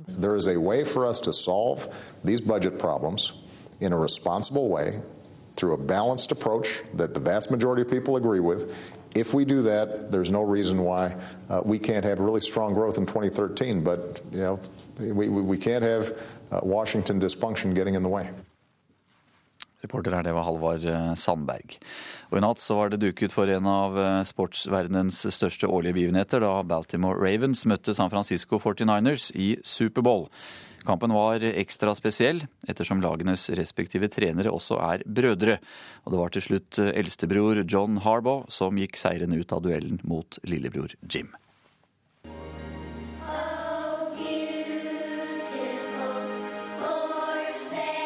Barnekoret fra skolen Sandy Hook, som i desember ble rammet av skytetragedien som rystet en hel verden, var med på å synge inn amerikansk fotballs 47. Superbowl. Og hvilken finale det ble! Ravens tok kommandoen fra start etter storspill fra quarterback Joe Flacco. Og bare sekunder inn i den andre omgangen sørget Jacoby Jones for Ravens ledelse 28-6 etter en av Superbowl-historiens råeste touchdowns. Men så slukket flere av flomlysene i Superdomen i New Orleans, og kampen fikk et langt opphold. Det benyttet 49ers seg godt av. Hentet på utrolig vis inn store deler av forspranget, men misbrukte muligheten til å sikre seieren helt på tampen. Dermed ble det Ravens og trener John Harbour som knep Superbowl-tittelen med 34-31 for lillebror Jim og San Francisco 49ers. And the Baltimore Ravens have captured Super Bowl 47 as Joe Flacco. And the Ravens are victorious. Ja, til slutt her så hørte du de amerikanske kommentatorene fra CBS, og det var Anders Mjåland som var eh, reporter. Per Ivar Nordahl er eh, tekniker i eh, Dagsnytt og i dag. Det er Erlend Rønneberg som er vaktsjef. Jeg heter Anders Borgen Werring. Klokka er 7.40 og Nyhetsmorgen fortsetter. Med verdensrekordholderen Patrick Makao i spissen ber nå Kenyas fremste maratonløpere landets politikere om å holde fred under valget på president og parlament om vel en måned. For å understreke budskapet så arrangerer de en spesiell halvmaraton for fred og miljø i Nairobi sammen med FNs miljøorganisasjon en uke før valgdagen 4. mars. Afrikakorrespondent Lars Sigurd Sunnanå har sendt oss denne reportasjen fra den kenyanske hovedstaden Nairobi.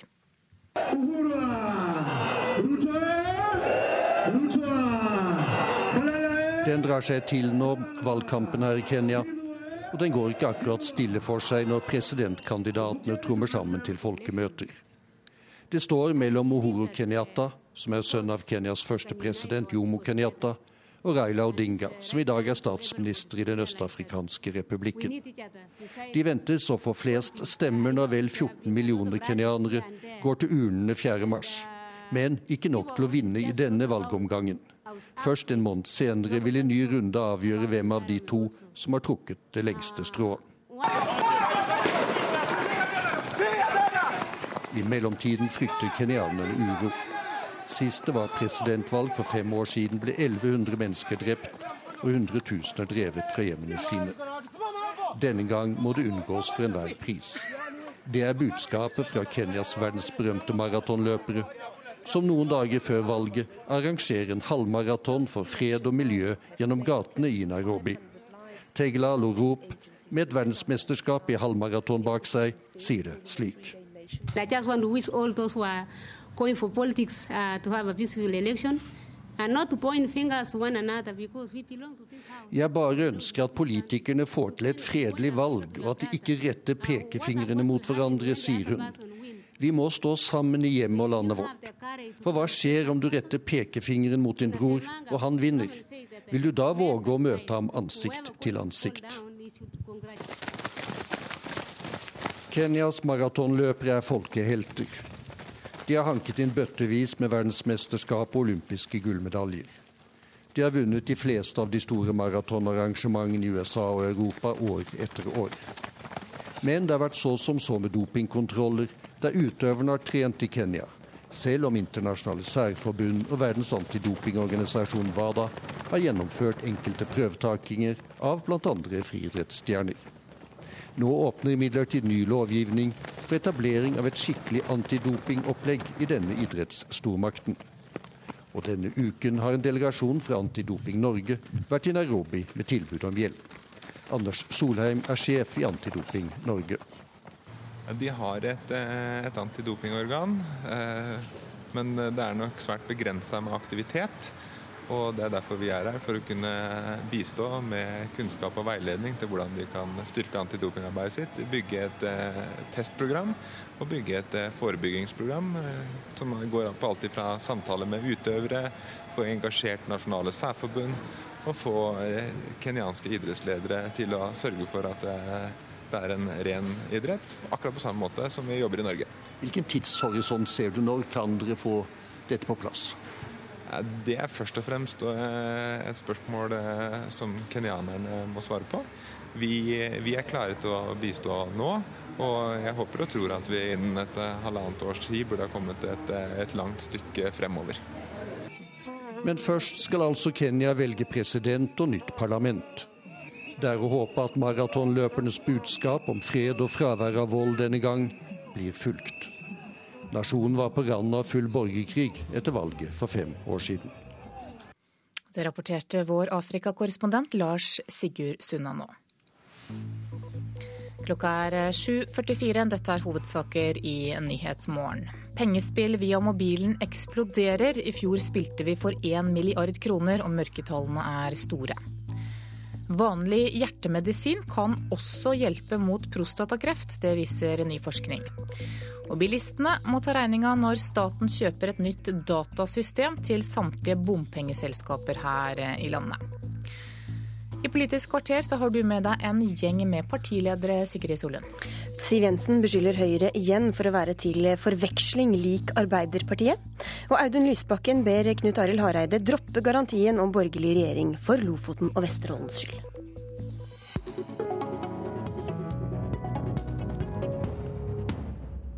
se så like. Så de ligner jo i grunnen ikke så veldig på hverandre, Jens og Erna. Men er jo av og til litt vanskelig å høre forskjellen. Det var noe av det Fremskrittspartileder Siv Jensen sa da hun talte på et fylkesårsmøte i helgen. Og Siv Jensen, hvorfor ville du igjen trekke fram hvor like du mener Arbeiderpartiet og Høyre er blitt? Det jeg gjorde, var å vise et oppslag i VG eh, hvor eh, Arbeiderpartiet og Høyre selv er ganske opptatt av å fremstille seg som ganske like. Mitt hovedpoeng er egentlig to. Det ene er at Høyre er Fremskrittspartiets foretrukne samarbeidspartner, og vi trekker i samme retning på veldig mye. Men så er det også en forskjell på Høyre og Fremskrittspartiet, og min jobb som partileder er å få frem den. Fordi at man får ikke Fremskrittspartiets løsninger av å stemme på Høyre. Så noen forskjeller er det, og de forskjellene er det viktig for meg å få frem. Men det var ikke bare dette oppslaget. Du sa jo selv også at det var vanskelig å høre forskjell på dem eh, mange ganger.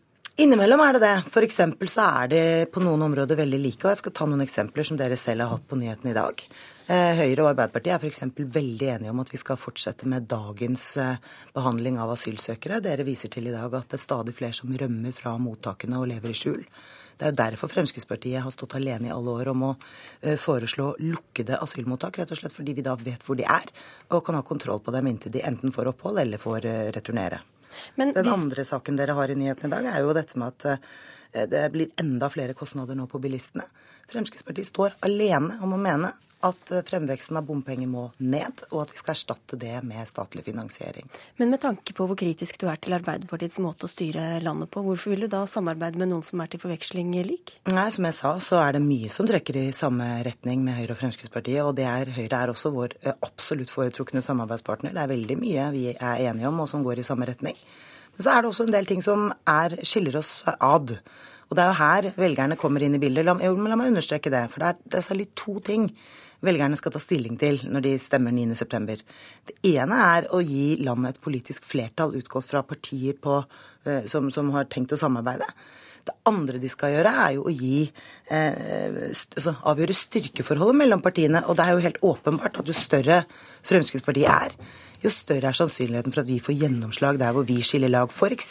også i eldreomsorgen, hvor ja. Høyre og Arbeiderpartiet er enige om å videreføre dagens system, hvor vi vil ha statlig finansiering og lovfestet rett. Men er ikke Høyre og Arbeiderpartiet så like likevel, da, eller? Jo, På noen områder er de det. fordi det er jo det som er litt av dilemmaet. Uh... Men likevel vil dere samarbeide med Høyre og ikke Arbeiderpartiet? Eller kunne dere like gjerne samarbeide med Arbeiderpartiet? Nei, men jeg gjentar det jeg har sagt hele tiden. Høyre er definitivt vår foretrukne samarbeidspartner, og på mange områder trekker vi i samme retning. Så er det noen forskjeller som det da er viktig for meg å få frem. fordi For Fremskrittspartiet vil det jo bety noe når vi setter oss ned ved forhandlingsbordet med de andre partiene, om vi får gjennomslag i eldreomsorgen eller ikke. Om vi får gjennomslag for statlig finansiering av veier eller ikke. Om vi får gjennomslag for en innstramming i asyl- og innvandringspolitikken eller ikke. Og det er det velgerne som kan gi oss muligheten til okay. gjennom å gjøre oss store nok. Et politisk felt der Høyre erkjenner at de har beveget seg på, er arbeidsliv. Hvor betegnende syns du det er at Høyre framsto som, eller, eller sto fram som det nye Arbeidspartiet i fjor? Det er i hvert fall behov for å gjøre en del endringer i arbeidslivet i Norge. Vi må modernisere det i tråd med at samfunnet har endret seg. Da må vi legge forholdene bedre til rette for fleksibilitet, slik at barnefamilier og andre kan jobbe litt hjemme, være på jobben, ha andre arbeidstider. Og da må vi innrette hele arbeidslivet på en måte. Men hva sier du om dere, da? At Carl I. Hagen og andre med ham har kalt Frp det nye Arbeiderpartiet? Men det handler jo mer om, eh, om eh, hva velgerne føler seg komfortabel med. Og det er veldig mange velgere som over tid har funnet det naturlig å bytte mellom Arbeiderpartiet og Fremskrittspartiet. Og så det, sier ikke noe om det politiske innholdet? Jo, jo, det gjør det jo også. Og det handler jo om hva, hva slags fokus man har. I skatte- og avgiftspolitikken f.eks. så har jo Fremskrittspartiet sitt fokus på helt vanlige mennesker. Vi er opptatt av å gi skatte- og avgiftslette til de som har lave og midlere inntekter, rett og slett fordi det handler om vår evne til å møte hverdagen, betale alle regningene våre. Og da hjelper det veldig lite for eh, vanlige folk at skattelettene blir gitt på toppen. Fordi Spørsmålet er jo også om det er Høyre eller om det er Frp som har beveget seg mest politisk eh, de siste årene. Dere har kuttet eh, i merbruken av oljepenger de siste årene. Dere har gått bort fra å kutte i sykelønnsordningen. Dere vil til og med ha fagforeningsfradrag for noen. Og dere vil være et parti for velferd. Hvorfor mener du da det er Høyre og ikke dere som har blitt likere Arbeiderpartiet? Og Der mener jeg programlederen tar feil. Fremskrittspartiet har utfordret handlingsregelen helt siden den ble innført på begynnelsen av 2000-tallet. Men dere bruker ikke like mye over handlingsregelen? Jo, det varierer fra år til år ettersom den økonomiske utviklingen endrer seg, og det har vi vært tydelige på hele tiden. Hva med de andre fast... punktene? Nei, altså du nevnte oljepengebruk. Der ligger vi fast i vår kritikk. Når det gjelder sykelønnsordningen, så har ikke vi utfordret den på hvert fall ti år. Mellom så 2001 og 2005 sto det i programmet. Ja, men å påstå at vi plutselig har gjort endringer der, det er ikke riktig. Det har vi ment lenge. Og at vi er et velferdsparti, det må jo ingen være overrasket over. Fremskrittspartiet har alltid vært opptatt av å ta vare på de som ikke klarer seg selv, samtidig som vi er opptatt av å få bort misbruk og snylting, fordi det handler om at det blir mer igjen til de som trenger hjelp. Men hvordan har det påvirket politikken og oppfatningen av dere, tror du, at dere har beveget dere de siste årene i retning av å bli et mer ansvarlig regjeringsparti, klare til å, å ta makt? At vi er et ansvarlig regjeringsparti handler ikke om at vi har endret politikk. Politikken til Fremskrittspartiet har ligget fast hele tiden. Vi er det den være... samme politikken dere har nå som dere hadde for ti år siden? Skal, programleder, Fremskrittspartiet skal feire sitt 40-årsjubileum i år. Eh, og til forveksling likt Arbeiderpartiet da de kom i regjering første gang. Det var når Arbeiderpartiet feiret 40 år. Eh, det betyr at vi er rede. Vi har bygget en organisasjon som har utviklet seg modnet til å bli, eh, i stand til å ta regjeringsansvar. Nå er vi det, med den politikken vi har forfektet i snart 40 år. Men eh, det er ikke programlederen som du sier nødvendigvis som mener at dere har forandret eh, eller beveget dere mer eh, fra et protestparti. Det er det mange kommentatorer og andre som Men det er helt riktig. Ja. Eh, og hva, Hvor viktig blir det da for deg å dra fram retorikken nå om at dere skiller dere radikalt annerledes fra de andre partiene? Det som er viktig for meg å få frem på vegne av Fremskrittspartiet, er der vi skiller oss fra de andre. Fordi det er jo her velgerne kommer inn i bildet. Hvis velgerne vil ha eh, statlig finansiering av veier og ikke bompenger, så må de stemme på Fremskrittspartiet, for vi står alene om å mene det. Hvis man vil ha en endring i kursen på forvaltningen av eldreomsorgen, så må man stemme på Fremskrittspartiet, for vi står alene om å ville endre det. Eh, og vil man f.eks. ha en innstramming i asyl- og innvandringspolitikken, må man også stemme på oss, fordi vi står alene om å mene det. Det betyr at vi innenfor det har ambisjoner om å samarbeide med våre foretrukne samarbeidspartnere. Men dette er området vi vil stilt sette mye inn på og få gjennomslag for i forhandlinger med uh, Høyre, KrF og Venstre. Men hvor radikalt annerledes tror du eh, Norge kommer til å se dersom dere kommer til makta? Fremskrittspartiets poeng med å gå i regjering, er jo at vi ønsker å fornye og forbedre det landet vi lever i. Mye er bra i Norge, Litt men mye altså. må bli bedre. Litt annerledes da, som du Ja, beskylder Høyre for. mye, mye må bli bedre i Norge. Helt til slutt, Jan Tore Sanner snakker om the jazz code i en kommentar til talen din på lørdag. Blir det mye sånn saksofonsoloer fra Frp fremover? Jeg tror vi er ganske enige, de fire partiene på ikke-sosialistisk side, om at vi både skal samarbeide, og at det må være rom for å vise frem eh, forskjellene. Takk for at du kom, Siv Jensen.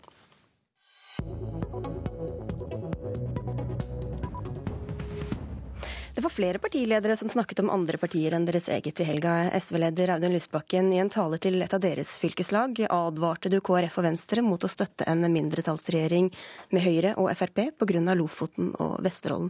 Hvordan henger det sammen? I denne saken så er jo um, Kristelig Folkeparti og Venstre og SV venner. Uh, og jeg eh, vet at KrF og Venstre er like opptatt av uh, kampen for oljefritt Lofoten, Vesterålen og Senja som det SV er. Men uh, mellom venner må man også ha noen ærlige debatter om strategi noen ganger. og den avgjørende grunnen til at vi til tross for at veldig sterke krefter i det norske samfunnet har ønsket å åpne disse veldig sårbare områdene for uh, oljeboring, uh, den avgjørende grunnen til at vi ikke uh, er i den situasjonen i dag, er at SV som miljøparti har sittet rundt bordet de to siste periodene når beslutningen har vært tatt, og kunnet målbære det voldsomme engasjementet som miljøbevegelsen, fiskerinæring, andre utenfor har hatt, og vunnet igjennom. Min utfordring til KrF og Venstre er følgende. Siden Arbeiderpartiet nå har avklart at de ønsker oljeboring, og Høyre og Fremskrittspartiet også gjør det, så vil en mindretallsregjering eh, av Høyre og Frp kunne finne sammen med Arbeiderpartiet i Stortinget og si ja til oljeboring. Bare, bare for å ha sagt det, Arbeiderpartiet har ikke konkludert ennå endelig, i hvert fall ikke på landsmøtet. Men, men da blir ditt råd til Hareide å gå i regjering da med, med Høyre og Frp? Arbeiderpartiet har sagt ja til en konsekvensutredning, noe som i praksis er det samme som å gå i gang med en åpningsprosess. Jeg eh, mener at vi på vår side av det politiske blokkskillet har kommet med en veldig tydelig strategi okay. for hvordan vi skal gå- unngå det. gå i og det at, det at vi ikke garanterer for noen annen regjering enn en regjering der vi er med sjøl. KrF og Venstre de garanterer for regjeringsskifte uansett, og det betyr at de risikerer å garantere for en regjering som åpner Lofoten, Mm. Vesterålen og Senja. Da må vi høre hva Knut Arild Hareide, KrF-leder, synes om dette gratisrådet fra Lysbakken. Jo, jeg setter pris på å få råd, men jeg syns ikke det er noe godt råd. KrF vi ønsker å få til et regjeringsskifte. Det er fordi vi ønsker å gjenreise familiepolitikken. Vi mener òg at eh, den regjeringa som sitter nå, svikter noen av de gruppene som trenger det mest, både innen rusomsorgen og blant våre fattigste. Det var ikke det vi skulle snakke om nå. Eh, Nei, men det er viktig å legge til grunn at vi mener at vi trenger et regjeringsskifte, og det står fast. Så er poenget. Eh, Hva er det alternativet? Jo, alternativet som Lysbakken gir oss i dag, er altså på en måte da å gi en støtte fortsatt til den regjeringa som sitter. Der sitter altså da med en eh, olje- og energiminister som heter Ola Borten Moe, og en statsminister som heter Jens Stoltenberg. Når det gjelder oljeutvinning, så er det rene dream team med Stoltenberg og Ola Borten Moe. Det er jo ingen som har hatt et større tempo. Eh, fra Bondevik-regjeringen så har vi nå fått et dobla tempo. Okay, Ok, Så det kan ikke bli verre? Er det litt det som er Nei, og jeg har lyst til å bruke Ketil Solvik-Olsen sine ord i forrige uke i Stavanger Aftenblad, der han altså mener at Ola Borten Moe er blitt til høyre for Fremskrittspartiet. Og noe av det som var poenget i debatten her i sted eh, med, med, med Siv Jensen, er jo òg at Høyre og Arbeiderpartiet står jo for akkurat det samme òg i dette området her. Så en forskjell på en ren Arbeiderpartiregjering og en ren Høyre-regjering i dette spørsmålet, det er på en måte uvesentlig. Men det viktigste for Venstre og KrF er at vi kan jo komme i regjering, og vi kan påvirke dette. Og Det er min utfordring tilbake til Lysbakken. For det vi nå ser, er at det kommer til å bli et regjeringsskifte. Og da er det faktisk sånn at er du miljøbevisst og er opptatt av eh, Lofoten-Vesterålen, så er det egentlig bare KrF og Venstre som alternativet. For SV vil jo være en bortkasta miljøstemme ved valget i 2013. Eh, Lysbakken, her var det mye, men hvor, hva sier du om tiltroen til eh, deres egne regjeringspartnere? At du nå må ty til andre partier for å stanse deres egne politiske venner? Altså, på rød-grønn side så er situasjonen veldig avklart. Eh, og det er jo sånn Ikke for neste periode. Ola, Ola Borten Moe får ikke gjennomslag han for alt han vil i oljepolitikken, fordi han må styre sammen med SV. Det vi har sagt, at vi garanterer ikke for noen annen regjering enn en regjering der vi sjøl er med. Og Det betyr at jeg stiller ikke noen garantier til en mindretallsregjering av Arbeiderpartiet, nettopp fordi miljøpolitikken krever at det er et miljøparti som er med rundt bordet når beslutningene tas. Knut Arild Hareide Vil det heller støtte en eh, høyreregjering enn Arbeiderpartiet-regjering? Nei, men uh, blir det rød-grønt flertall, så skal SV være med i regjering. Det er noe annet enn det uh, Knut Arild Hareide sier. fordi at Han sier at blir det flertall for høyresiden, så vil han garantere for regjering uansett. Og Det betyr at han blir en garantist for at Erna Solberg og Siv Jensen kan danne regjering sammen uten KrF. Og når miljøpartiene på høyresiden ikke krever å få sitte rundt bordet når beslutningen tas, ja, så vil resultatet bli åpning. Og Det er min utfordring til Hareide. Hvorfor trekker du ikke i denne situasjonen din garantien til Høyre og Frp om å la de danne regjering alene, hvis dere får flertall? Ja, jeg har lyst til å være veldig tydelig på det. Vi kommer til å ha en målsetting, det er å komme inn i regjering. Nettopp for å kunne påvirke beslutningene. Men du avviser ikke å støtte en, en mindretalls blå-blå regjering? Jeg har lyst til å si vil bidra til et skifte, står det i vårt eh, forslag. Det vil si at eh, vi mener Norge trenger en ny regjering. Eh, mange grunner til det. Og en stemme på KrF er en stemme på en ny regjering. Poenget da er jo at i det valget mellom ny regjering eller gammel regjering, så ville de ofte stått mellom eksempelvis en ren Arbeiderpartiregjering eller en ren Høyre-regjering. Da sier vi da velger vi en ren Høyre-regjering. Men akkurat i denne politiske saken så har det ingen betydning. Men min utfordring til Lysbakken var jo òg følgende. Alt tyder på vi får et regjeringsskifte. Skal du da kunne påvirke Lofoten Vesterålen, så vil det faktisk da bare være en stemme til Venstre og KrF, der du reelt sett kan påvirke dette ved valget i september. Men jeg må bare spørre Lysbakken, for det er veldig mange velgere som er lei av dette politiske spillet og hvem gjør hva og sånn. Hvorfor skal dere trekke fram og, og bry dere om hva de andre holder på med og garantere eller ikke? Jeg har funnet på en rekke valgforskere, kommentatorer og andre som har slått fast de siste dagene at mens SV har stilt en veldig klar garanti som gjør at rød-grønne velgere vet at vi vil insistere på å sitte rundt bordet, at vi ikke har tenkt å gi oss, så har KrF og Venstre ikke gitt noen sånn garanti. De åpner opp for en mindretallsregjering som sammen med Arbeiderpartiet kan bygge ut. Og Derfor er spørsmålet til, til Knut Arild Hareide er klimaet på jorden viktigst, eller er klimaet på høyresiden det viktigste? SV har stilt garantier før. De sa ingen nye gasskraftverk uten rensing. Så kom de i regjering, så bygde de Mongstad. Mongstad putler og går, og det slippes ut CO2.